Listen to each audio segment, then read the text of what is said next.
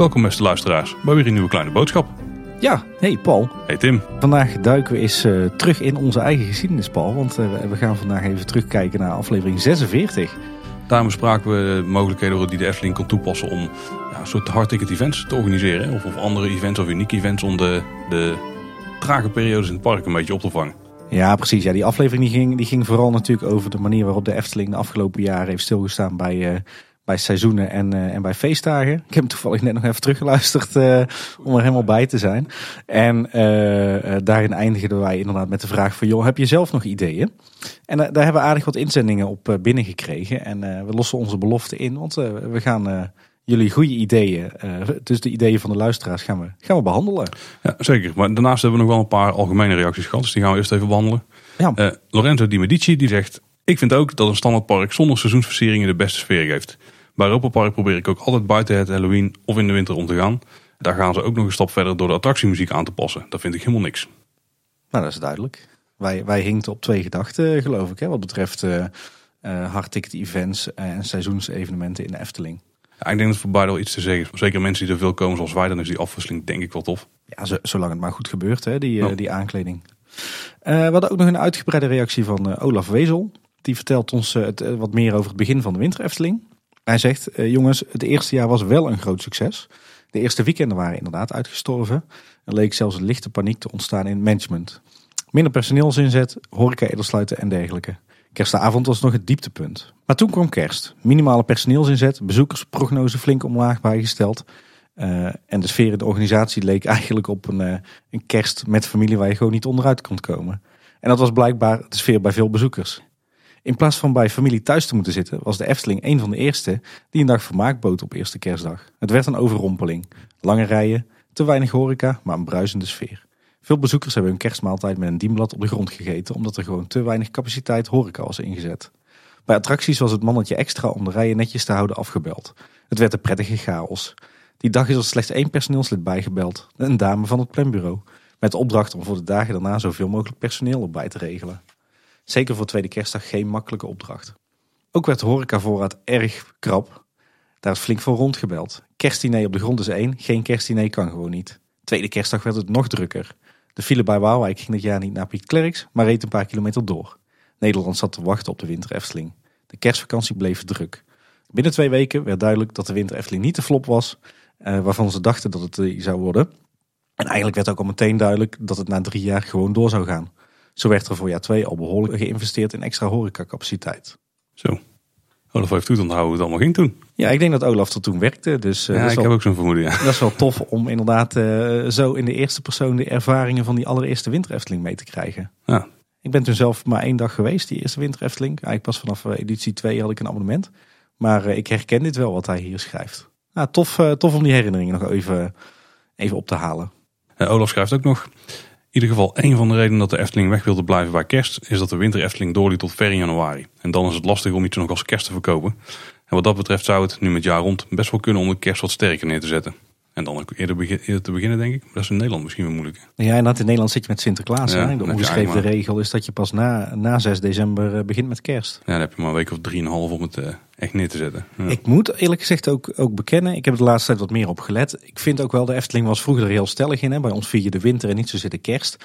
Maar er zitten toch ook wel veel kerstelementen in hoor, in de huidige winter Efteling. Maar ik denk dat die ook wel een beetje samen gaan, hè? kerst ja. en winter. Dus, ja. Kijk, je hebt wel de versierde kerstbomen en de guirlandes en dergelijke. Ja, je hebt niet het, het, het, de christelijke, het christelijke element of werkelijk de kerstman. Maar ik denk dat het ook goed is om daar weg te blijven. Ja, dat denk ik ook, ja. Oh. Dus ik denk dat de Efteling best wel een goede combi heeft gevonden. Uh, door te zeggen van, joh, de basis is winter, maar we voegen toch wat kerstige, wat, wat meer neutrale kerstige elementen toe. Nou, goed punt.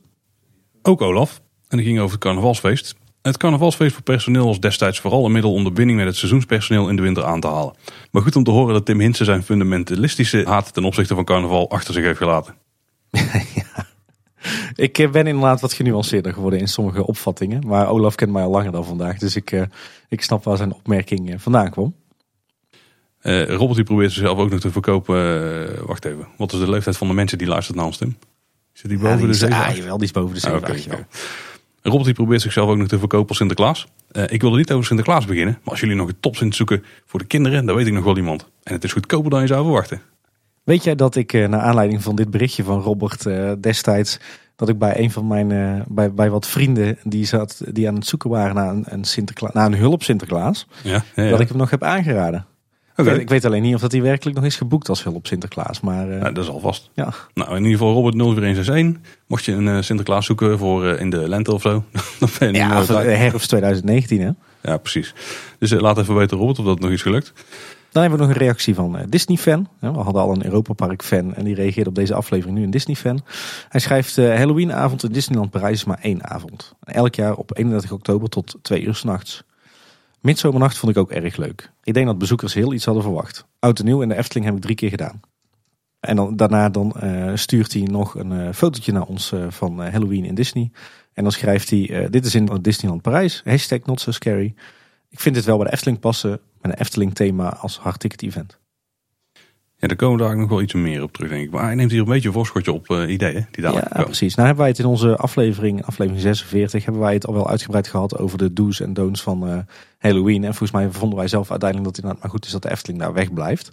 Ja, het is denk ik vooral de manier waarop andere parken het doen. Hè? Wat, wat dan wat meer industrieel is in veel gevallen. Of uh, met vervallen ja, zeg maar, huisjes, maar een beetje wel al in de setting van nu. En ik denk dat dat vooral niet bij de Efteling past. Nee, inderdaad. Echt dat, dat, dat, dat echte hardcore griezelen en, en horror uh, en kettingzagen en bloed, dat is sowieso niks voor de Efteling. Als je het dus meer in de trant van een spookslot doet. Of misschien uh, een beetje linkt aan de Vliegende Hollander of aan uh, Baron 1898. Ja, precies. Die switch natuurlijk wel. Ja, griezel in de Efteling is op zich wel een dankbaar onderwerp, ja. ja. Maar misschien, misschien komen die dadelijk nog tegen tussen die ideeën. Overigens, mocht je dus inderdaad aflevering 46 nog niet geluisterd hebben en je zit deze aflevering nu te luisteren, het is wel degelijk een aanrader om die eerst even te luisteren, anders mis je toch een hoop. En eh, zeker het laatste kwartier, 20 minuten denk ik. Ja, precies. Dan, dan uh, hebben wij zo onze eigen gedachten over, uh, over feesten en partijen die je nog in Efteling zou kunnen organiseren. We kregen ook nog een berichtje van Marcel Fransen. Ik zat nog eens te denken, ik kan me herinneren toen ik een jaar of acht was, uh, toen stond de griezelbus van de boeken van Paul Verloon in de Efteling met een showtje. Vond ik best eng. Haha. Maar toen was hij acht. Ja. nou, dan, ik moet zeggen, dan zijn denk ik Marcel en ik een beetje uit dezelfde generatie. Want ik kan me ook nog goed herinneren dat de Griezelbus uh, in de Efteling heeft gestaan. En ik was toen de tijd ook helemaal fan van de boeken van Paul van Loon. Uh, en zeker ook van de Griezelbus. Dus uh, ik heb daar, ben daar zeker op binnen geweest. Het stond overigens in diezelfde periode ook, ook in het Autotron. Toen was daar ook een soort Griezel-evenement. Zo. De, de, de graven inderdaad, maar ik kan ook wel, wel vaak dingen van Ja, jeugdsentiment. hè? Je had toen ook de Griezelclub en zo, van, met allerlei Griezelboekenschrijvers. Maar uh, ja, dat was inderdaad ook nog een uh, goed voorbeeld van een uh, ja, min of meer Eftelings Griezel evenement. Had zijn haha niet meer een mwahahaha moeten zijn. Dat doe je dat goed, Paul hey, maar dat waren een beetje de, de, zeg maar de, de vrije reacties op onze aflevering. Waarvoor dank natuurlijk. Daar, eh, daar, daar kunnen we altijd erg van genieten. Uh, maar we hebben, zoals gezegd, aan het eind van die aflevering ook nog gevraagd om jullie ideeën voor mogelijk geschikte nieuwe uh, hardticket events of, of feesten of partijen in de Efteling. En we hebben behoorlijk wat, wat leuke en vooral uitgebreide inzendingen gehad. En zoals beloofd gaan we nu eens even langslopen en misschien ook eventjes onze eigen visie erop geven, Paul. Zullen we het even kort inleiden, Tim? Wat is een hardticket event? Dat is misschien wel een goede, ja. Volgens mij is het in de basis gewoon een evenement wat buiten de reguliere bezoektijden omvalt. Of waar ze misschien een beetje voor beperken, zodat ze meer tijd hebben voor het evenement. En waar je in ieder geval een losse toegangsticket voor moet kopen. Ja, dat is het belangrijkste. Je kunt met een hardticket event, daar kun je niet naar binnen uh, met, met je reguliere parkticket of met je abonnement. Uh, over het algemeen is de stelregel, dan moet je inderdaad echt een apart kaartje voor kopen. Ja, en de Efteling heeft wel een aantal hardticket events gehad al. De bekendste die nu nog steeds loopt is natuurlijk oud en nieuw. Ja, absoluut. Uh, volgens mij al een aantal jaar uitverkocht. Ja. En maar ook het Midzomer, uh, hoe noemen ja, Midsummer Festival. Midsummer Festival heet het de laatste twee jaar. Het begon als Midzomernacht. Volgens mij krijgen abonnementhouders bij die evenementen wel altijd korting, toch? Ja, dat is op zich geen, geen verworven recht of zo. Maar tot, tot op heden is het altijd wel zo dat de Efteling daar wat korting op geeft. Ja, op zich wel netjes. Overigens zijn niet ideeën die zijn ingestuurd per se hard ticket events. Nee. Er zitten ook gewoon ideeën bij van speciaal voor abonnementhouders. Of uh, gewoon om de, ja, het meer aantrekkelijk te maken. Hè, zoals Epcot bijvoorbeeld doet met het Flower and Garden Festival. Of het uh, Food and Drinks. Food and Wine. Food and Wine ja. Festival inderdaad. Dus op die manier heeft iedereen een beetje meegedacht van hoe kunnen we nu de Efteling jaar rond nog aantrekkelijker maken. Ja, inderdaad. Hebben we daar een aantal leuke ideeën voor gekregen. Zullen we eens beginnen Paul met de eerste? Daar lijkt me goed plan in. We kregen er eentje van Ricardo Uitermark. En uh, die komt met het evenement Scary Tail Night. En dat zou dan een hardticket event kunnen zijn wat in het najaar plaatsvindt. En wat, wat schrijft hij daarover? Zoals jullie al opperden in de laatste aflevering, dat er toch wel iets griezeligs kan plaatsvinden in de Efteling. Ik heb even nagedacht over een evenement waar dit perfect bij past. Wat denken jullie ervan als er bij bepaalde griezelige attracties figuren rondlopen die het verhaal nog een beetje aandikken? Zoals witte wieven rond laten lopen bij Baron 1898. Nou ja, die zou je dan misschien moeten laten rondzweven, hè, voor zover Oeh, het gaat. Dat kan, ja. Uh, geesten van matrozen en scheepslui bij de Vliegende Hollander. Bokrijders bij Villa Volta. Scare actors bij het Spookslot en op het Hekspad. Uh, die dus de figuren uitbeelden uit het verhaal. Ook IJzige IJsbrand mag er niet voor uh, ontbreken. En misschien nog wel meer dingen. Maar dit leek me wel leuk. Groeten Ricardo.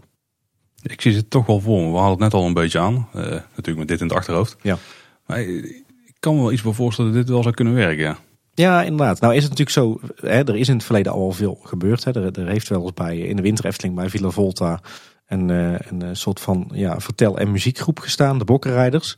Dat was op zich ook een ontzettend leuke act. We, kennen natuurlijk IJzige IJsbrand bij het Spookslot inderdaad. Maar Jeroen Verhaai heeft ook eerder uh, een griezelig personage gespeeld in de, in, de, in de zomer.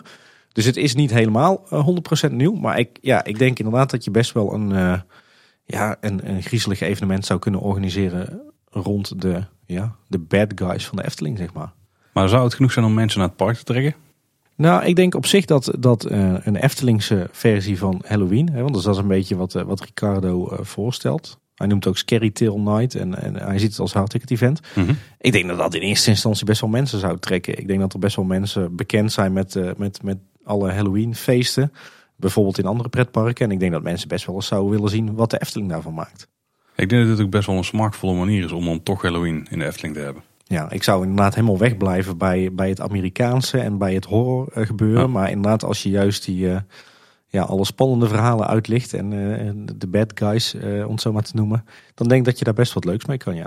Bij Spookslot kan nog steeds wel de huber zijn, maar hoeft het niet bloederig te zijn. Nee, nee je, je kan natuurlijk het, het verhaal, ondanks dat dat eigenlijk later is geschreven bij, bij de hoofdshow, het verhaal van het Spookslot leent zich natuurlijk wel ook voor meerdere uitbeeldingen, uh, toneelachtige stukken, liederen. Uh, dat, dat, leent zich er natuurlijk perfect voor om dat ook wat meer uit te beelden.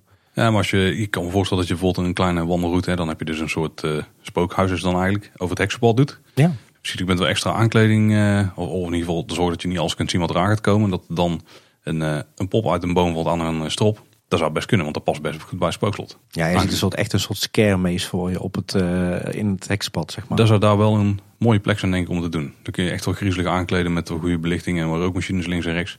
En dan dus wel een beetje, met, ja, een beetje aangekleed met wat er in het Spookslot ook gebeurt. Ja.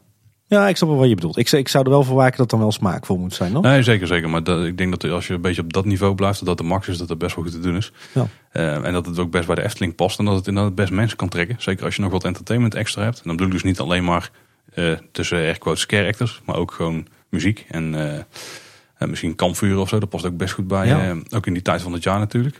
Nou, ik denk dat de Efteling best wel veel content heeft, om het zo maar even te noemen. Of IP waar je heel veel mee kan rond het thema. Ja, ja. Denk, denk aan alle verhalen rond, uh, rond de bokkenrijders. Uh, maar ook bijvoorbeeld de bende van de Witte Veren. We hebben het er al eens eerder over gehad in Kleine Boodschap. Dat is die roversbende die werkelijk uh, in de omgeving van Kaatsheuvel huishield in, in de 18e en 19e eeuw. Uh, maar, je hebt natuurlijk ook hele verhalen rond de Vliegende Hollander. Uh, je hebt op verschillende plekken in de Efteling draken en heksen. Je kunt het hele Ravelijn verhaal, kun je, hè, die hele backstory daarachter, daar kun je natuurlijk van alles mee. Het verhaal van het, uh, het spookslot en de dansmakamer, daar hebben we het net al over gehad.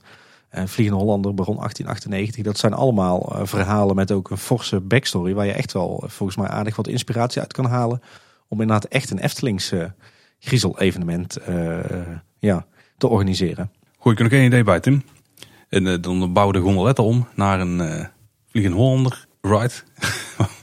Wacht even, de vlieg, is de Vliegende Hollander die is nog open dan trouwens. Nou, dan zou je gewoon een spookschip in het Vliegende Hollander uh, in, de, in de vijver daar kunnen gooien. In de oude kano-vijver. Hm. Oké, okay, misschien hoeft het niet. nou, ik, heb, ik, had hier, ik had hier ook nog wel een idee over, want hij stond ook op mijn lijstje met mogelijke opties voor in de toekomst. Ik, ik zie het zelf dus ook wel zitten. Ik, ik zou dan graag ook wat, wat rond de Witte Wieven willen zien. Een soort Witte Wieven ja, show, misschien met, met rookmachines en, en allerlei projecties en, en muziek en, oh, ja. Ja, ja. en geschreeuw en gezang. Ik, dat lijkt me ook wel potentie hebben. Maar ik vraag me af, is het niet veel leuker en beter om dit juist uh, in de periode februari, maart te doen? Je hebt natuurlijk in, in oktober, november heb je al die Halloween events uh, overal in Nederland. Dat is heel, in heel Europa en heel de, de wereld. Uh, dat, dat is toch een periode waarin er al heel veel evenementen plaatsvinden. De Efteling is niet per se rustig dan? Nee, absoluut niet. Het is juist het hoogseizoen voor de Efteling onderhand tegenwoordig. Uh, terwijl juist in die periode februari, maart heb je toch echt je, je dip in je bezoekersaantallen. En dat is nou net de periode waarin er eigenlijk weinig te beleven valt. Hè, qua, qua evenementen of qua dingen te doen. Het is ook een periode die over het algemeen grijs en mistig en koud en kil en guur is. Dus wat dat betreft uh, lijkt mij dit ook wel iets uh, voor juist de periode februari, maart. En dan vraag ik me af of dat je dit per se als ticket event moet verkopen.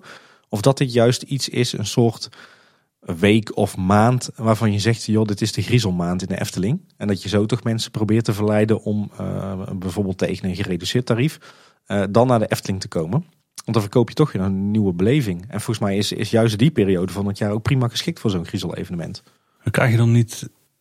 Je wil dit vooral in het donker doen, toch?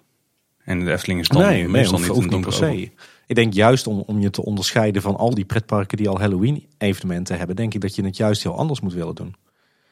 Kijk, nee, het voordeel februari, maart is natuurlijk ook wel, dan is het nog steeds vroeg donker, hè? Ook donker weer. Ja, donkerder. Ja, of, het is eerder donker. Maar... Ja. Hmm. ja. misschien hebben we gewoon alle drie een ander beeld bij, dit, bij dit evenement. Dat maakt ook niet uit. Dat is alleen maar leuk. Maar uh, ik, uh, ja, ik denk dat we allemaal wel potentie zien in uh, griezelen in de Efteling. Ja, ja, dat denk ik ook zeker. We hebben nog een idee van Ricardo gekregen. Ja. En dit is het Winterpleinenfestijn. wanneer vindt het dan plaats? Ja, in de winter natuurlijk, hè, ja. tijdens de Winter Efteling. het is een evenement voor dagbezoekers. Hij zei, het lijkt me ook nog steeds erg leuk om een winterse variant te zien van het Negenpleinenfestijn. En dan bijvoorbeeld het huidige entertainment van de Winter Efteling in combinatie met sommige acts van het Negenpleinenfestijn die ook geschikt kunnen zijn voor de winter. Groetjes Ricardo. Ja, ja dat uh, refereert ook een beetje aan uh, het midwinternacht hè?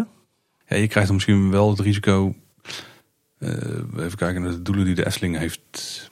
Want het begin van de Winter Efteling, dan zijn de weekenden nog wat rustig. En aan, aan het einde dan zijn ze ook weer wat rustiger. Maar er is een periode eigenlijk heel december ook wel het einde van november, maar dat komt volgens mij nog door de, door de Albert Heijn ticketactie. Mm Dan is het Efteling gewoon echt, dan loopt die overvol in de weekenden. Ja, mega druk, klopt. En dat zijn ook de momenten dat je het Negenpleinenfestijn hebt. Nou zou je kunnen zeggen van we gooien het extra entertainment erin, want dan hebben mensen meer te doen en dan voelt het niet zo druk. Dat kan. Nou ja, ik wil even stilstaan bij zijn idee om er inderdaad, um, uh, hij zegt maak er maar een winterse variant van het Negenpleinenfestijn. Nou is dat in het verleden, is dat een aantal seizoenen gebeurd in de Winter Efteling. Je hebt uh, openstellingen gehad tot uh, middernacht in de winter Efteling. Alleen uh, dat, dat liep niet echt best, om zo maar te zeggen. Omdat mensen toch op een gegeven moment, dan hebben ze al de hele dag in de winter Efteling rondgelopen in de, in de ijzige kou. En dan gaan ze toch naar huis. Dus je zag dat, dat, dat, dat die evenementen wel redelijk geflopt zijn. Dus ik denk dat de Efteling uit zal kijken met het, zeg maar nog een langere openstelling dan 6, 7, 8 uur s avonds in de winter. Ja, oké. Ik had wel gezien dat het eigenlijk gewoon openingstijden waren zoals nu, misschien tot een uur of acht, negen. Ja. En dan in de winter. Ja, had ik hem een beetje opgepikt, zeg maar. Ja, Dus eigenlijk gewoon het winter Efteling aanbod van nu. Maar dan met in de weekenden nog wat extra. Of op de vrijdag en uh, zondag. Zo, de vrijdag en zaterdagavonden. Hoewel zondag misschien ook wel geschikt is als je toch maar tot een uur of acht, negen open blijft. Ja. Ik, uh, ik moet zeggen, ik, ik vraag me eigenlijk wel af wat daar de toevoegde waarde van is hoor. Ook omdat je toch al best wel uh, een behoorlijk fors aanbod van entertainment al hebt in de winter Efteling. Ten opzichte van de zomer. Ja, het is wel iets meer verstopt in de winter, heb ik het idee. Je hebt wel het IJspaleis, en, maar bijvoorbeeld wanneer de optredens zijn, dat is niet super duidelijk, toch? Of oh, ja, je, je, je, hebt volgens mij bij alle kampvuren heb je, heb je speciale winteracts. Je hebt, uh, je hebt al je reguliere uh, entertainment, hè? Je, je, je, parkshows en je sprookjesboomfiguren uh, en je sprookjesbosbewoners. Dus ja, volgens mij heeft de winter Efteling loopt al behoorlijk over van het entertainment. Ja, oké. Okay, ja. ik, ik, ik, stond de gedachte, maar ik, ik zie dit er nog niet zo snel van komen, eerlijk gezegd. Dan voel ik meer voor Ricardo's idee voor het, uh, het griezel in de Efteling. Nou, ik denk als je twee extra of zo erbij zet, uh, wat grotere, met misschien een podiumpje, dat je dan best wel een uh, compleet aanbod al hebt inderdaad. Om het dichter bij het Negenpleinfestijn te laten voelen in ieder geval. Ja, klopt. Flinke input van Paul. Ik ben het niet. Nee, het is Paul 0396. Zoals iedereen hem kent. Ja. De Efteling die komt tot leven, zoiets een evenement. Ja, inderdaad. Hij vindt het eerste weekend van april vindt hij mooi om het te vieren. Ik denk dat het iets te maken heeft met de originele openingen. Ik denk het ook, ja. Tenminste, toen het park nog niet jaar rond open was. En het is een hard ticket event. Ja, en hij schrijft, eens per jaar komen de Efteling figuren tot leven. Tijdens het evenement kunnen de bezoekers hun favoriete Efteling personage ontmoeten en eventueel meedoen met de bijbehorende activiteiten. En vervolgens we... Eh, krijgen we een uitgebreide lijst met eh, wat er dan in de verschillende rijken gebeurt. Ja, Bij Anderrijk, bij de Fata Morgana, kan je op het Fata Morgana plein een markt bezoeken. Eens per uur is er een tovershow met niemand minder dan de tovenaar die je regelmatig ziet tijdens de rondvaart door de verboden stad. Hey, laat die nou tijdens het afgelopen negen pleinenfestijn ook... Uh, ik wou uit de dood herrezen zijn uh, gezegd, maar laat hij ook aanwezig gekomen zijn, ja. Die hebben ze in ieder geval liggen. Bij Boban en Piranha zijn er geen bekende personages te vinden. Echter kun je daar wel meedoen met de activiteiten die je op het Negenpleinenfestijn ook al hebt. Voor het spookslot kun je ijzige ijsbrand ontmoeten en hangt er een griezelige sfeer. In uh, het Ruigrijk uh, schrijft hij... Uh, de Vliegende Hollander is het toneel waar je de enige echte Willem van der Dekker kan ontmoeten. Bezoekers kunnen zich daar ook opgeven om een echte matroos te worden. Ook kunnen ze zich vermaken bij de statige stuurman. Bij Joris de Draak krijgen de bezoekers les hoe je het beste een draak kunt verslaan. Wanneer je de, je de juiste tactiek hebt gevonden, mag je deze uitproberen door een rit te maken op Joris en de Draak. De winnaar krijgt aan het eind van de rit een echt certificaat waarop staat hoe je de draak hebt verslagen. En Gustav Hoogmoed staat bij de Baron 1898 iedereen aan te moedigen om zo'n attractie te betreden. In Reizenrijk, op het plein voor het Carnaval Festival, kun je zoveel mogelijk personages uit Carnaval Festival ontmoeten. Ook loopt Simbad daar rond. Op de speelwaarde kun je één keer per uur een vogelshow volgen. Die vogel moet uiteraard wel op vogelrok lijken. Dat wordt nog een uitdaging. ja. uh, dan hebben we het Maanrijk. Op het Antropiekplein is een waardop ontstaan met mensen die verkleed zijn als de mensen die Antropiek altijd zo mooi heeft getekend. Deze mensen kun je overigens ook vinden in het Carouselpaleis. In het Lavelaar komt het volk van Laaf tot leven. In het Lurk en Moenhuis kunnen de wat oudere bezoekers zich opgeven voor een cursus bierbrouwen. Het biertje wat ze hebben gebrouwen mogen ze meenemen.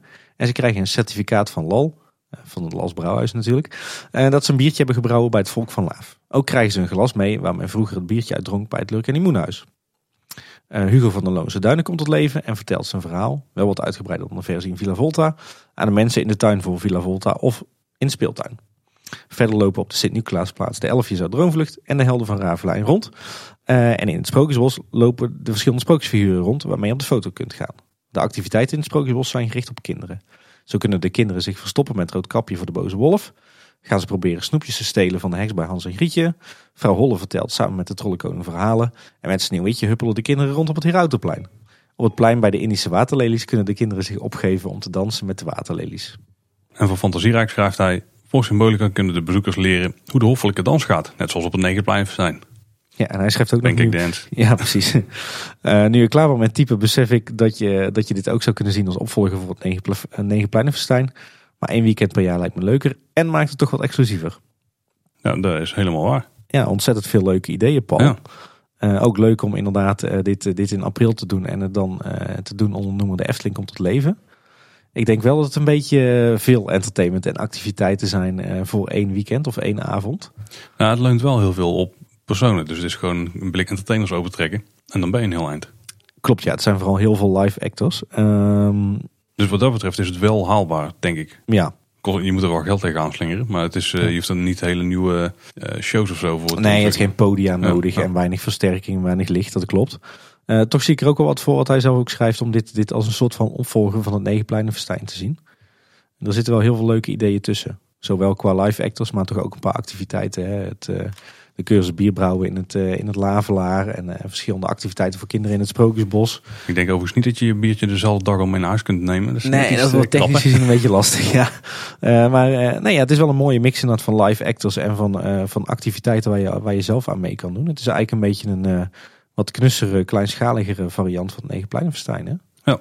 Ik, ik vind daar zeker leuke ideeën tussen zitten. Dankjewel, Paul. Graag gedaan. Oh, je bedoelt natuurlijk Paul... Paul 0396. Ja, Mooie achternaam, hè? Ja, precies. Ja, cool. We kregen ook nog een idee van Casper. Uh, Sinterklaas-event en kerst-event. En wanneer kan het evenement plaatsvinden? Ja, Tim, je raadt het niet. Natuurlijk ergens tussen 17 november en 5 december, als Sinterklaas er is. En het kerst-event met kerstvakantie. Ja. Uh, en het zou een evenement zijn voor dagbezoekers. Nou, hij zegt, het Sinterklaas-event staat aan het teken van Sinterklaas. Een meet and greet met de Sint en Pieten op het dak van bijvoorbeeld Symbolica of Polles Keuken. En andere attracties, restaurants. Misschien een minishow in het openluchttheater, een gezellige parade, de Sintertocht. Nee, dat is wel een gauw. Ja, precies. Met Sinterklaas op het paard die over de Pardoespromenade rijdt. Pieter die pepernoten uitdelen in het park. Sinterklaasliedjes in het park. Het kerstevent staat in het teken van kerst. Tijdens dit evenement is er misschien een speciaal diner voor abonnementhouders op 24 december. En een speciale kerstshow. Een meet and greet met de kerstman. Een symbolieke koningszaal mooi versierd met kerstcadeaus en kerstbomen. Nee, dat is een ware kerstoverleven symbolica. Ja, is wat hier dus, Er zitten wel mogelijkheden, ja. ja. En Pandadroom kerstfilm, kerstmuziek in het park. Dit evenement is voor alle bezoekers. Ja, ja, we hebben het daar zelf in onze aflevering ook over gehad hoor. Wel of geen Sinterklaas en wel of geen kerst in het park. Ik vind Sinterklaas momenteel toch wat lastig. Uh, omdat ja, Sinterklaas momenteel natuurlijk vooral onderwerp van discussie. Vanwege wel of geen zwarte Piet, roetveegpiet, uh, witte Piet. En wat je ook kiest eh, als bedrijf, je doet het altijd verkeerd. Dus daarom zou ik momenteel even wegblijven bij Sinterklaas. Efteling heeft zelf trouwens ook recent aangegeven in een artikel op Loopings... dat ze ja, voorlopig in het park toch even wegblijven van Sinterklaas. Omdat de internationale bezoeker er ook niet op zit te wachten of het niet kent. Nou, je hebt de Sint wel in Carnaval Festival, die stond er dit jaar ook weer. Ja, ja dat is een leuke knipoog. Maar dat is, dat is dan het enige inderdaad. Dus ik, ik, vind hem, eh, ik vind hem lastig. Ik snap wel, Casper, dat je zegt van joh, ik zou Sinterklaas in de Efteling willen hebben. Want ja, het is toch een oer-Hollandse traditie die je ook uh, terugvindt op piekprenten. En ja, de Efteling zou perfect, denk ik, dienen, kunnen dienen als canvas voor zo'n Sinterklaas evenement. Maar ik vind het wel heel lastig. Want ja, wat maak je dan als Efteling voor keuze eh, in, je, in, het, eh, in de hele Zwarte Pieten discussie? Wat je ook doet, je krijgt toch uh, mensen over je heen die het er niet mee eens zijn. Dus ik, ik kan me ergens wel voorstellen dat de Efteling daar nu even weg bij blijft. Ja. Ja, wat betreft kerst, ik besef me net dat bij de Winter Efteling heb je wel overal die cadeautjes staan. Ja. Dat is natuurlijk wel typisch kerst. Ja. En, en de kerstbomen. Dus ik denk, ja, ik denk dat de Winter Efteling toch al best wel stiekem een vleugje kerst heeft. Ja, maar bomen met uh, sneeuw erop. Het hoeft niet per se kerst te zijn. Het zijn er wel naaldbomen. Ja, er hangen ook uh, ballen in en lampjes en zo hè. Lampjes? Ja, ja, ja. Ja, gewoon in de loofbomen. Bij de dubbele laan bijvoorbeeld. Ja, nee, maar ook in, in bepaalde kerstbomen. Oh, de, uh, dat klopt eigenlijk wel, ja. Ja, ja, ja, ja, ja, ja, ja, ja. Dus de, ja, ik, kijk, en ik vraag me dan weer af of je inderdaad dan het, het zo kerstig moet zijn dat je wat moet gaan doen met het kerstverhaal of met de kerstman. Uh, kerstman is natuurlijk vrij neutraal, daar zou je wel wat mee kunnen. Uh, Zeker gezien partnership met Coca-Cola. Maar ergens kan ik me wel voorstellen dat de Efteling daar, eh, daar bewust voor kiest om dat niet te doen. Ik bedenk ook dat ze in Symbolica misschien helemaal geen kerst vieren. In die wereld. Nee, dat is waar. Dat is natuurlijk een fantasiewereld waar ze niet per se onze feestdagen hebben. Misschien moeten daar gewoon midden in het jaar rennen met een keer alles anders aankleden. ja, precies. Dan hebben ze symbolicaanse... Wat zou het dan zijn? Ja, dat weten we niet. Nee, precies. Maar wat, wat, wat vind jij van een uh, soort van Christmas overlay voor een van de Efteling attracties? En dan is Carnaval Festival het meest geschikt. Daar zou ik het nog wel uh, kunnen accepteren. En misschien dat de drie koningen dan uh, in Fata Morgana kunnen staan. Die is gevaarlijk wel. Ja, ik, ik moet zeggen, ja, Carnaval Festival vind ik een beetje, een beetje afgezaagd. Omdat het dan wel heel erg veel weg heeft van ja, It's a Small World. De Christmas Overlay. Ik zit dan misschien nog eerder te denken aan typisch Nederlandse attracties. Zoals een Villa Volta of een eh, Baron 1898. Zo. Dat je daar dan iets doet met een kerstboom die is opgezet. En uh, ja, ik vind het lastig hoor. Ik blijf er liever bij weg, moet ik toegeven. Ja, uh, even denken. Bij Villa Volta hebben ze al twee kerstbomen, maar die staan dan ondersteboven in de pot. Ja. Dus dat klopt al. Ja, klopt. Zitten er lampjes in de winter? Nee hè? Jawel. Oh wel. In ieder geval de, in de voorgaande jaren wel. Dit is een voorlee. Ja. Even denken. Nee, ik denk niet dat het per se past het wordt denk ik uh, per definitie al niet echt uh, subtiel en stijlvol. Nee. nee. Op zich heel de winter zou je wel een beetje kunnen zien als de vorm waarin het nog net kan. Ja, is eigenlijk een soort uh, winteroverleven voor het hele park. Hè? Ja. Ik denk dat het, dat het goed is. Om daarbij te houden bedoel je? Ja. Dan hebben we nog een reactie van Jean. die, die zegt, laten we de verjaardag van de Efteling vieren. Natuurlijk op 31 mei. En dat zou dan een evenement voor dagbezoekers kunnen zijn. En hij schrijft daarbij: eh, De Efteling is een begrip met een rijke historie en veel bekendheid. Dit leent zich enorm om één dag per jaar deze historie eens extra te belichten. Denk hierbij aan het terugkeren van entertainment acts uit het verleden, rondleidingen en tentoonstellingen. Daarnaast wie jarig is trakteert, dus voor elke bezoeker een kleinigheid. Nou, dat vind ik nou eens een subliem idee. Daar kan ik het alleen maar mee eens zijn. Ik vind het ook vreemd dat ze daar niet meer mee doen. Ik was Ja, ze hebben er in het verleden best wel eh, geregeld wat mee gedaan. Hè? ik was uh, met 65-jarig bestaan was ik in het park op de 31 mei. Ja. Ook wel bewust gewoon om te kijken of dat iets deden. En het enige wat toen gebeurde was dat die hele vreemde glossy werd gepresenteerd. Maar dat was ook aan het eind van de dag was ik niet echt aangekondigd. En, maar dat was echt het enige. Ja, terwijl in voorgaande jaren hebben ze op die 31 mei best wel vaak uh, evenementen georganiseerd. Vaak in combinatie met de opening van een tentoonstelling in het museum. Ja, we hebben wel een paar keer attractieopeningen gehad op de 31ste. Ja, dat is waar. Maar ik, eh, ja, ik kan het hier alleen maar voor de volle 100% mee eens zijn. Wat mij betreft zou, uh, zou de, de historie en de verjaardag van de Efteling op 31 mei best wel eens wat meer uh, mogen worden uitgelicht. Ik denk dat alleen het feit dat wat, wat hij als laatste schrijft eigenlijk, verjaardag gestrakteerd, ik denk dat dat al best wel zou helpen.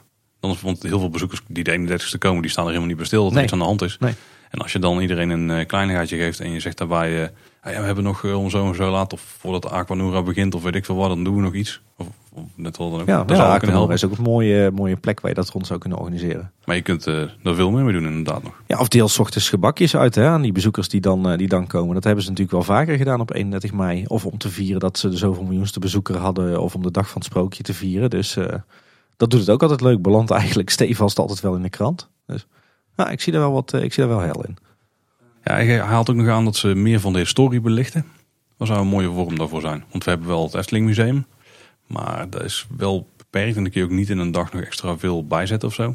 Nou, misschien leuk is, dat zie je in meer, eh, meer attractieparken en dierentuinen en zo. Is bijvoorbeeld om op een aantal plekken in het park misschien tijdelijk eh, een, eh, wat, wat foto's neer te zetten. Of een foto van hoe die plek zoveel jaar geleden was. Oh, dat is wel tof, ja. Van die Ja. grote blow-ups van zwart-wit foto's van die betreffende plek. En dan zou, dan zou ik dat denk ik bij voorkeur doen in de maand. na- in aanloop naar 31ste. Dus Ja, is dan heel mei, of zo. Ja. Ja. Want dat is sowieso al iets rustiger dan... eh ja, mei is ook best druk al, maar rustiger dan juni en juli en augustus. ja, absoluut. Dus als je het dan doet, dan heb je ook een mooie aanloop naartoe. Misschien dat je mensen dan ook wel warm krijgt voor zo'n 31 mei special event. Of Ik net denk het wel. Dan zou je er zelfs van die verjaardag nog eens een hard ticket event kunnen maken. 31 mei s'avonds. Dat is het eh, verjaardagsfeestje van de Efteling. Nou, hier allemaal gratis ideeën. Ja, ja, goed man. Kreeg ook nog een kort berichtje van Efteling foto's. Eh, Ik luisterde net aflevering 46, seizoenen in de Efteling. Ik denk dat het met Halloween leuk is om slechte karakters uit te beelden in de vorm van straattheater. Bijvoorbeeld de boze koningin door het park laten lopen. Dat hebben we net al een beetje aangehaald. Ja, dat sluit mooi Ja. aan, denk ik, bij het idee van Ricardo hè, en bij onze visie erbij. Ja, en ook wel bij de Efteling komt tot leven. Ja, absoluut. Op dat moment zou je ook best wel de, de wat eh, meer kwade karakters kunnen uitbeelden. Ja, en de Efteling heeft stiekem best wel veel villains eh, waar Ja. ze uit kunnen putten natuurlijk. Ja, zeker in al die sprookjes. Hey, tof. Ehm, we kregen ook eh, een, eh, een, een drietal ontzettend leuke reacties binnen van Linda van Leest. Eh, die blijkt best wel thuis, hebben hiervoor. ja, thuis te zijn in het organiseren van evenementen volgens mij.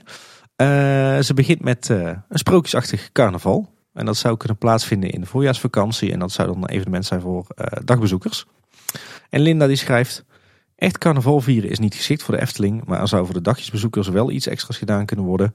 dat losjes aan het carnavalsfeest vastzit. Ik denk aan een parade gedurende de voorjaarsvakantie. Daarnaast wellicht de mogelijkheid om tijdens deze twee weken verkleed naar de Efteling te komen tijdelijk toe te staan. Eventueel met wat beperkingen zoals niet bloot, niet aanstootgevend of verplicht sprookjesachtig. En voor de kleintjes een sprookjesboom Efteling Radio Disco. Verder zijn er natuurlijk mogelijkheden om het lavelaar in het zonnetje te zetten. Lurk en Moenhuis tijdelijk open.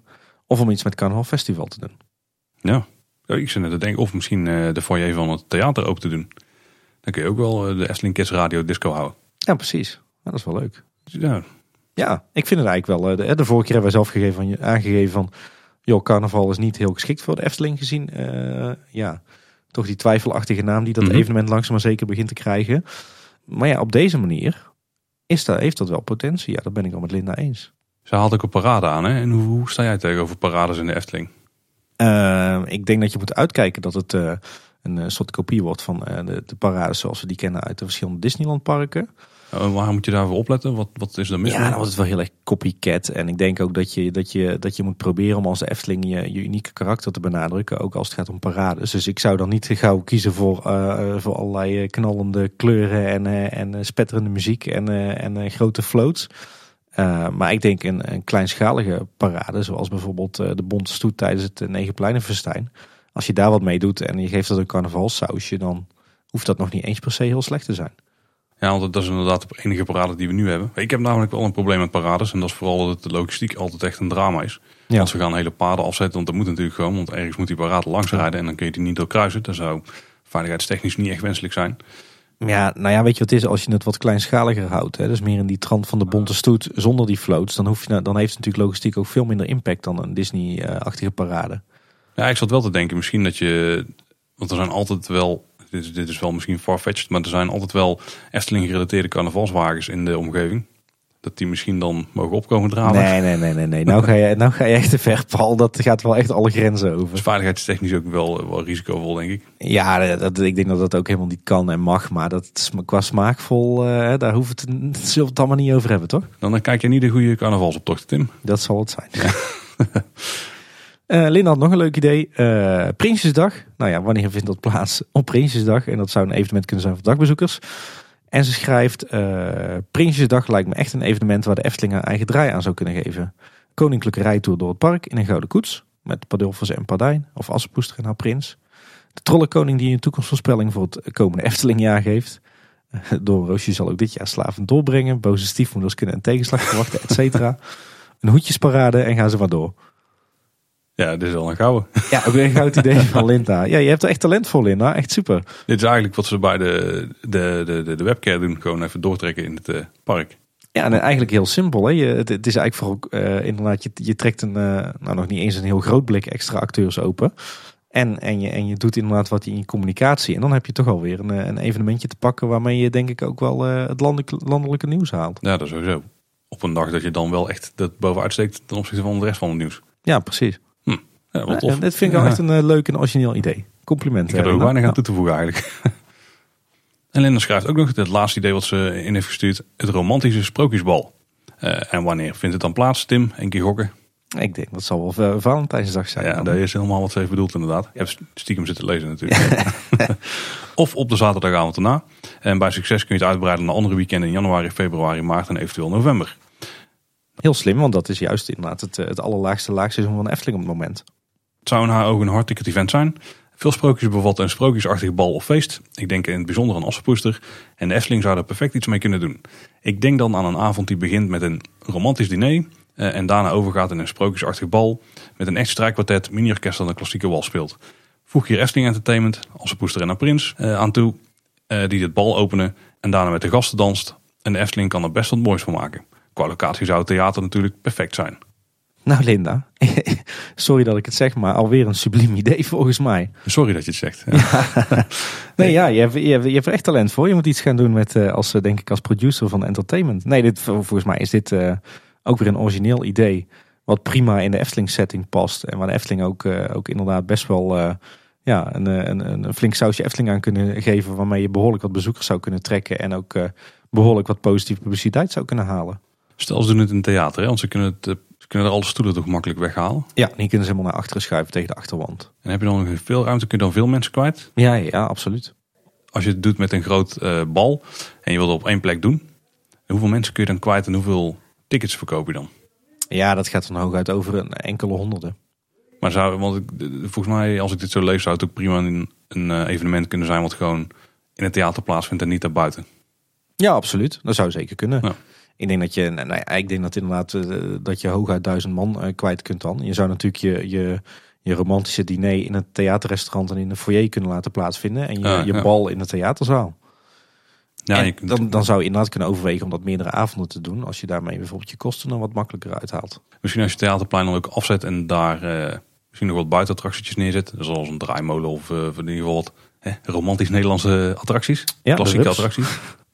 ja in ieder geval de, op, de Tilburg, eh, op de Tilburgse kermis staan nog wel een paar van die zaken. Als je er drie of zo bij zet, dan is het denk ik al voor de totaalpakketje heb je best wel een tof evenement. Ja, ja dat, dat zou voor mij nog niet eens hoeven. Ik zie al echt zo'n uh, beetje zo'n eh, zo'n bal in, in Wenen voor me, weet je wel.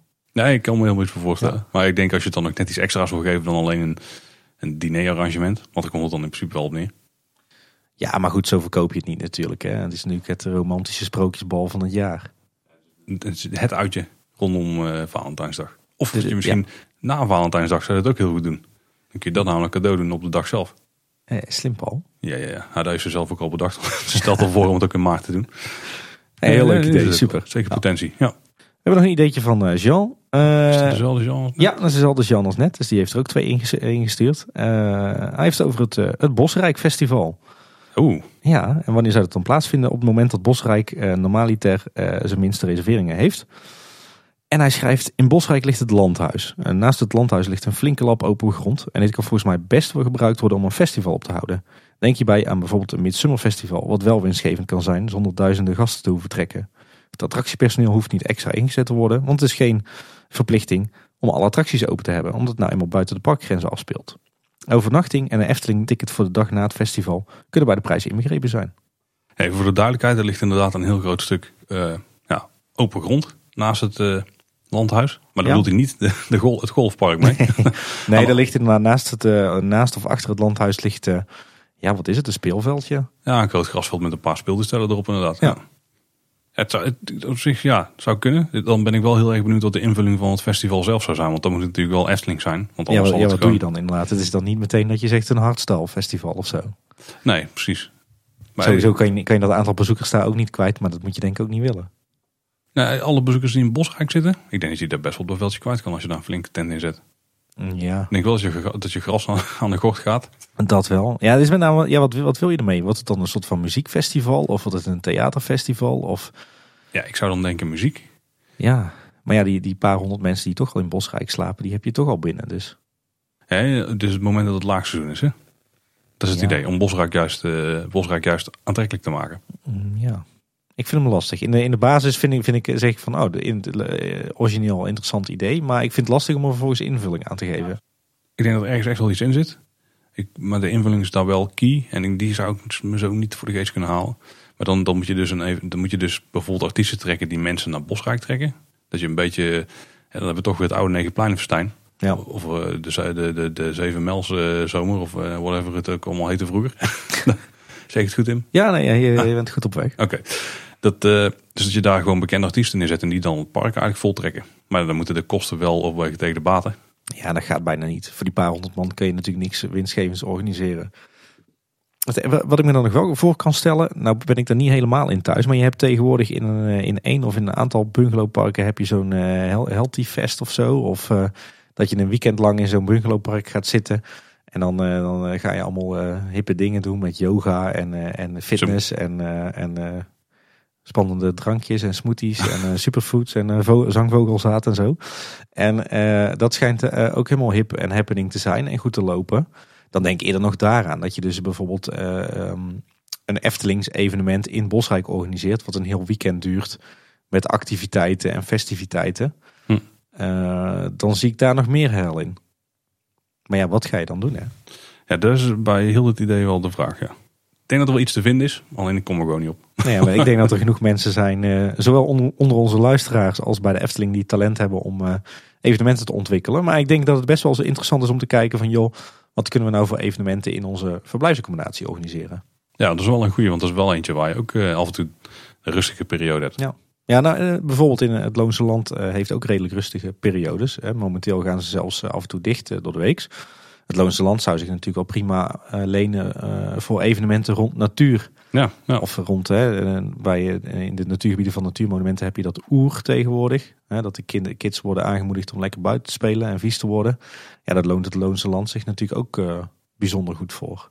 Ja, en je kunt daar de fietsbrug oversteken en dan sta je midden in de Loonse en Drunense Duinen. Ja, precies. Dat is ook niet verkeerd. Dus misschien, daar, daar zit misschien nog wel, uh, wel potentie in. Ik had, uh, daar, daar, had ik zelf niet aan gedacht, moet ik zeggen. Dus Jan, goed dat je die invalshoek even onder het, onder het voetlicht brengt. We hadden ook nog een onofficiële inzending. Die hebben we een paar weken geleden gekregen. Van een Mario. En die had het over een soort eh, Chelsea Flower Festival wat hij wil organiseren. Ja, precies. Mario Deeltjes geloof ik toch? Ja, precies. Ja, die was het volgens mij. Ja, ja. ja dus dat, is ook nog steeds zo'n ding. Dat was ook een beetje dus wel de aanleiding van dit hele idee dat Epcot wel het in de intro al aan. Dat hij dus een aantal uh, seizoenen heeft. Ja, Food and Wine inderdaad. Uh, ja, Flower and Garden. Flower and Garden, ja. En dat zou dit, vooral de laatste dus, daar zou dit wel redelijk bij aansluiten. Ja. En dan zou je de Efteling dus aankleden in ja, vol met bloemenpracht. Misschien dat je dan een tent neerzet of, of een, dat je de speelweide daarvoor inricht. Ja. Dat daar van alles tentoongesteld kan worden. Ze hebben wel een tijdje geleden eh, in de aanloop naar bloemencorso volgens mij iedere week of ieder weekend uh, zo'n team van die uh, wagenbouws in het park gehad. Ja, klopt. En, en toen een klein Efteling vignetje laten maken. Nou ja, klein. Ze waren nog steeds een meter of vijf bij twee hoog, of breedte bij twee hoog volgens mij. Ja. misschien dat je die dan ook kunt tentoonstellen. Volgens mij is het best wel tof om erheen te lopen. Ja. Zou het mensen naar het park trekken? Dat is denk het wel. Ik denk, ik denk wel dat er een doelgroep is. Uh, als de Efteling wat meer doet inderdaad tijdelijk rond, uh, rond bloemen en planten. Denk ik echt wel dat daar, dat daar volk voor is. Er zijn best wel veel van dat soort evenementen in de, in de regio. En Efteling staat ook nog steeds bekend als een, als een heel mooi park. En met name vanwege zijn, zijn natuur. En in mindere mate misschien de, de bloemenpracht. Omdat die steeds meer uit het park is verdwenen de laatste tijd. Maar dit, dit zou inderdaad een, een goede manier zijn om ja, daar toch weer wat meer eh, op te focussen. Ja, helemaal, ja, ja, zeker. Ik vond het een goed idee van Mario. Zeker. Ondanks dat hij was ingestuurd via het originele via het formuliertje. En wij zelf nog uh, ideeën, Tim? Ik heb nog wel ideeën. Ik uh, hoor ze graag. Ik heb er eentje, die bewaar ik even tot een beetje het einde. Ik heb ja, jij bent de uitsmijter. Ja. ja, ik, ik had uh, uh, nou ja, verwacht van mij geen hele spectaculaire ideeën. Want evenementen organiseren is niet echt mijn business. Maar een, een, wens die ik nog steeds heb is toch de terugkeer van Midzomernacht. Mm -hmm. het Midsummerfestival ik, ja, ik vind het eeuwig zonde dat, dat dat nooit een succes is geworden en dat ze naar mij zijn gestopt. Ik denk dat, ze, dat het goed zou zijn als ze dat toch eens proberen opnieuw in de markt te zetten. Maar zet het dan echt in de markt als een, als een volwassen evenement of een evenement voor tieners, twintigers, dertigers. Voor mij mag je dan ook best communiceren van joh, no kids allowed, om het zo maar te zeggen zorgen dan voor dat je heel erg dicht tegen, dat, uh, tegen het, de, de, echte viering van Midzomernacht aanschurkt. Hè, zoals dat uh, met name in Scandinavië plaatsvindt. Zorg inderdaad voor volwassen entertainment. Zo'n silent disco, um, eten en drinken, foodtrucks. Maar ook wat, wat artiesten, wat singer-songwriters op de speelweide. Eigenlijk, ja, eigenlijk zat dat zat dat evenement gewoon heel goed in elkaar. En is het gewoon enorm jammer dat dat nooit een succes is geworden. Maar ik denk dat dat met name, met name toch in de marketingkant zat. Voor mij mogen ze dit veel breder profileren. Dus veel meer eh, nationaal ook uitdragen. En veel meer profileren als een, eh, als een evenement juist voor eh, dertigers, twintigers. Ja. Verder hebben we het ook al eens een paar keer gehad over de houdbaarheid van het Negenpleinenfestijn. Mm Wat mij betreft kan het nog wel een paar jaar mee als ze toch ieder jaar wat acts vernieuwen. Maar mijn visie daarop is dat je toch naar een soort ja, tussenvorm zou moeten van het huidige Negenpleinenfestijn en de oude zomeravonden. Dus met toch weer wat meer uh, plek voor podia met artiesten. Um, maar dan wel op een wat kleinschalige manier dan in het verleden. Dus geen Hollandstalige uh, muziek met grote podia, met, eh, met grote velden ervoor vol mensen. Dus gewoon wat je zelf liever niet ziet. Nee, ja, ja ik, denk ook, ik denk dat de Efteling dat ook niet wil. Ik denk dat de Efteling daarom ook is afgestapt van die, van die, die zomeravonden vanwege toch uh, geluidsoverlast en drankgelach en, uh, en, en agressiviteit die daar weer, waar dat dan weer toe leidt. Mm -hmm ik, zie dan, uh, ik zit dan echt te denken aan een, uh, een Efteling festival. Om het maar uh, gewoon heel simpel te houden. Dus inderdaad, ehm, veel straattheater op de verschillende pleinen. En op één of twee plekken een podium waar je wat, wat, wat meer ingetogen muziek hebt. Dus bijvoorbeeld inderdaad die singer-songwriters zoals we ze ook gezien hebben op Negenpleinenfestijn. Mm -hmm. Wat lokale bandjes, misschien een coverband, een faceband. maar, maar hou het dan wat kleiner. Dus ja, wat mij betreft zou dat de toekomst zijn voor het het, het Negenpleinenfestijn, zeg maar. Okay. Dus iets meer rol, een belangrijkere rol voor muziek.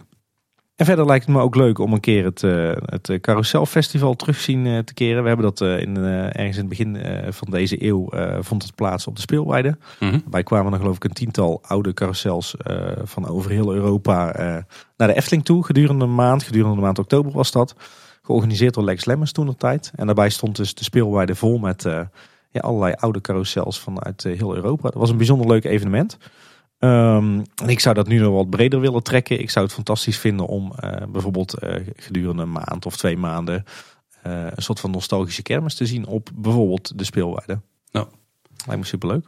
Ik, daarover over carousels gesproken. Ik was afgelopen december in Den Bosch. Daar heb je een winter- of, of kerstplein. Bij de Sint-Jan daarnaast hebben ze ja. op de paradehelzen een pleintje aangekleed. Had redelijk veel weg van van eigenlijk wat de Efteling doet in het IJspaleis. -hmm. Dus ook met zo'n zo'n baan die naar beneden gaat en de schaatsbaan en zo.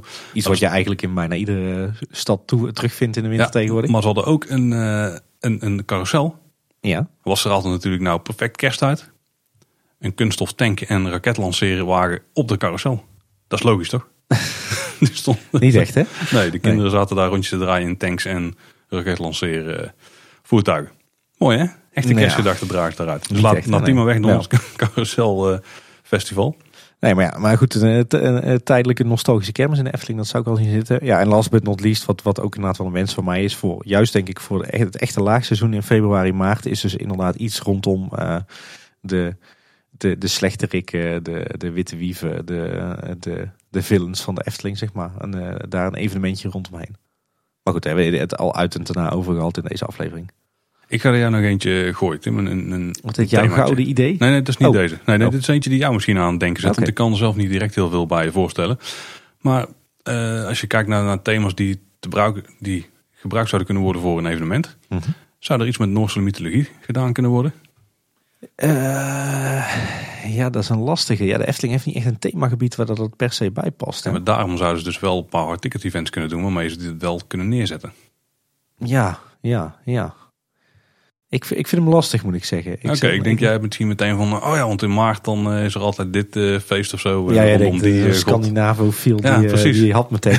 nee, ik denk eerlijk gezegd, ik denk, denk dat de Efteling meer dan genoeg eigen IP, originele IP heeft met een, met een, ja, een griezelige of een spannende enge invalshoek om iets mee te doen. En ik zou, dan niet, ik zou het dan niet zoeken in dat soort Ierse, Keltische, Scandinavische mythologie, nee.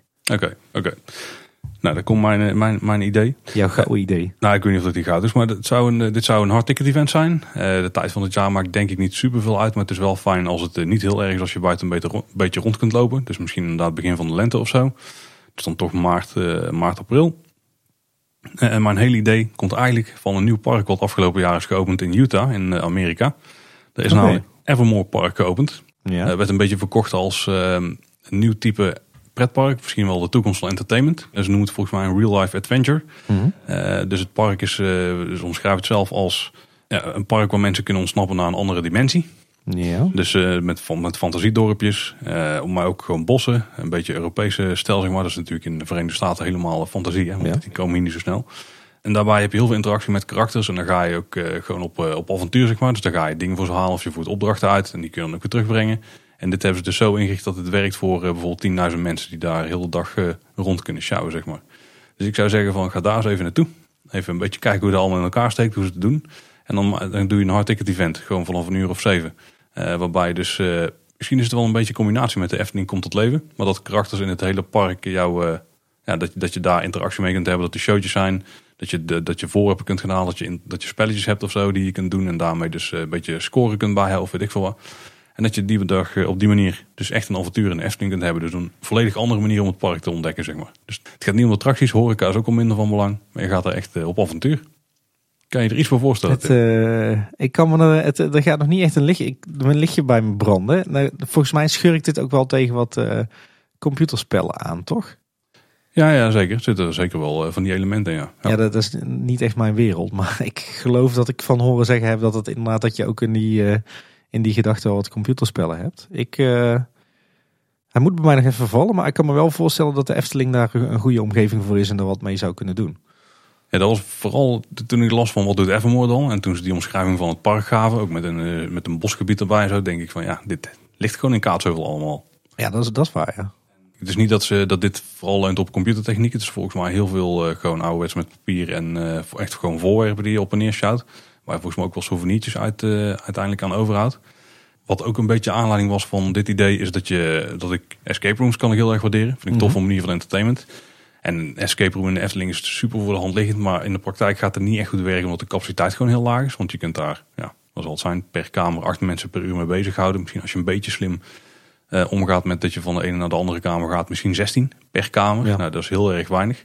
Maar hoe kun je nou wel een beetje die vorm van entertainment in een veel grotere vorm over het hele park neerzetten? En dat zou bij dit wel kunnen. Dus ik zou ook zeker daar elementen van lenen. Dus die manier ja, van nou, puzzels. Nou, nou, begint het mij wel te dagen. Je zou dan eigenlijk een soort, uh, ja die naam is, is ooit geïntroduceerd door uh, onze vrienden, collega's van Efteling. Je zou een soort Eftel quest van kunnen maken, denk ja, ik. Ja, ja, ja. ja, dat je toch op de een of andere manier in, in een aantal teams uh, en uh, inderdaad, je hebt gelijk, de Efteling is groot genoeg om daar uh, een flink aantal teams met, met flink wat deelnemers van te maken. Dan zou je het over enkele honderden hebben misschien.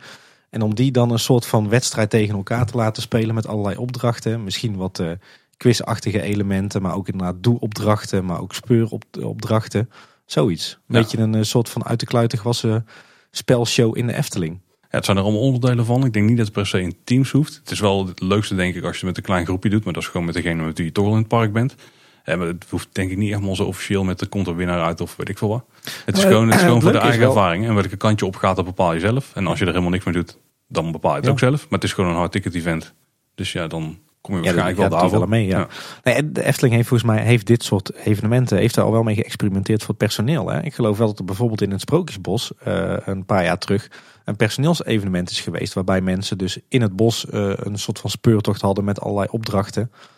Dus ik, uh, ja, op, de, op die manier, nou, nou begint, nou, nou ja, begint het bij mij te dagen. Ik zie wel inderdaad wat in een soort van actieve spelachtige, ja, sport- en spelachtige opdrachten in de Efteling. Ja, daar ben ik mee eens. En, en daarbij is het thema en de sfeer ook wel heel belangrijk. Hè? Dus ik denk dat er, je, je kunt het deels leunen op bestaande figuren die erin zitten. Ik denk dat het ook wel slim is om in dit geval zo'n soort overkoepelend verhaal, wat ook ja. uit een storytelling aflevering wel eens is gekomen dat je zoiets er ook wel bij zou kunnen doen. Want dat je een paar karakters hebben die alles aan elkaar verbinden. En ik las bijvoorbeeld wel dat ze bij Evermore, zeker in de openingsdagen, dat ze best wel moeite hadden met de. Dat, dat een groot deel van de tijd verdoen in de rij staan was bij de mensen die jou verder moesten helpen, zeg maar. Dus daar moesten ze nog wel aan werken. Uh, dus, dus, ik denk daarbij dat je misschien. Nou, ik weet niet hoe ze het precies hebben opgelost, dan moet ik weer even induiken. dus, dat, dus er zijn echt wel zaken waar je goed op moet letten. Maar ja, er staat een heel park in de Verenigde Staten die gewoon 10.000 mensen tegelijk of zo kunnen vermaken. Ga er eens kijken wat er kan en maak er een hard ticket event van. Ik denk dat dat best wel zou kunnen werken in Efteling. En een hele, en dat is dus het allerbelangrijkste, een hele nieuwe manier uh, om mensen te vermaken in het park. En misschien, wie weet, er uit komt rollen in de toekomst. Hè? Ja, ik, uh, ik zie, zie dat wel een soort van uh, vijf zintuigen pubquiz XXXL. Met allerlei actieve elementen. Ja. ja, of je hebt tegenwoordig heb je die DOPS quiz, hè, de, waar, waarbij je ook dus, dus inderdaad wel een quiz element hebt, maar waarbij je dus ook het hele dorp door moet gaan fietsen en rijden om allerlei voorwerpen te zoeken of foto's te maken of opdrachten te doen. Dat zou op zichzelf wel, wel een tof evenement kunnen zijn in het dat, park. Dat zou volgens mij ook wel een uh, tof evenement zijn, ja. ja ze doen het, dat doen ze dus al meer op kleine schaal in, uh, met, of met bedrijfsevenementen. Je kunt als bedrijf, kun je, ik heb ook al eens door het park gelopen en er kwamen er ook al mensen van, waar vind ik dit voorwerp? Dus dan sturen ze gewoon een paar honderd man het park in met allemaal vragen over het sprookjesbos of waar bepaalde sprookjes liggen waar foto's uitkomen. Dus ja, dan, is het, dan zit je weer meer richting de fotopuzzeltocht. Ja, dus dan. Ik, ja, dan moet je, je, je, moet het dan inderdaad veel grootschaliger oppakken. Met inderdaad een overkoepelende backstory. Met inderdaad. Uh, en, en, goed gethematiseerde voorwerpen en zo. Dus dan krijg je niet gewoon een geprint A4'tje. Maar dan krijg je gewoon echt netjes een. Een, een rond perkament. Ja, bij wijze van spreken. Of in ieder geval iets mooi bedrukt. Hè, vergelijkbaar met het uh, papiertje wat je bij de Twinkeltoys krijgt. Uh, op die manier. Ja, op die manier zie ik. wij komen er samen wel, Paul. Ja, we moeten samen de evenemententak ja. beginnen. Samen met. Linda. Linda. Nou, Dan komt het helemaal goed. Ja, nee, ja, uh, volgens mij best wel een aardige oogst uh, van onze, onze aflevering uh, die we een paar maanden geleden hebben gemaakt. Ja, zeker. Ik moet zeggen, ik zie, ik zie het meeste, ik ben het meest enthousiast over een... drieluik van Linda? Over de, sowieso over het drieluik van Linda inderdaad, ja. Wat, wat was het ook alweer? De Prinsjesdag, het Sprookjesachtige Carnaval en het Romantische Sprookjesbal. maar zeker ook over de verjaardag van de Efteling. Over een, een, een griezel-evenement, al dan niet als hardticket. Wordt het een klassiek lijstje Tim's eervolle vermeldingen? Nee, Volgens mij hebben ze bijna allemaal ja, en Paul, toch wel over jouw uh, Eftel Quest. Ja, ik ook over het Carousel Festival. Vind ik ook een goeie. Ja, ja. mooie, mooie opbrengst. Ja, zeker. Dat was hij weer voor deze week. Ja, inderdaad. Heb je nog steeds ideeën of ben je geïnspireerd door de ideeën die hier zijn rondgebazuind? En bazuin is ook weer leuk in, in relatie tot... tot trompetten en het Herautenplein en zo. Goed gedaan, Paul. Ah, dat valt niet tegen. Uh, dan kun je ons natuurlijk die idee nog steeds gewoon toesturen. Dan kunnen we ze een andere aflevering nog bespreken. Uh, doe dat via ons contactformulier op de website, kleineboodschap.com. Is uh, kleineboodschap.com slash feest niet meer in de lucht? Die is inmiddels offline, want ah. dan kan je meer. Hè? Ah. Maar je mag ook gewoon via een normale contactformulier wat invullen. Of via social media. Ja, we zijn te vinden op uh, met name Twitter onder apenstaatje K-boodschap. Of op Instagram en Facebook en daar zijn we Kleine Boodschap. Ja, inderdaad. Er rest ons denk ik niet veel meer dan jullie, onze luisteraars, uh, heel hartelijk bedanken voor al jullie uh, goede ideeën. goed denk ik dat we er eindelijk even goed de tijd voor hebben genomen om ze te behandelen. Want ja, we maken Kleine Boodschap toch vooral samen met jullie, onze luisteraars. Dus bedankt en tot de volgende keer. Ja, tot de volgende keer. Houdoe. Houdoe.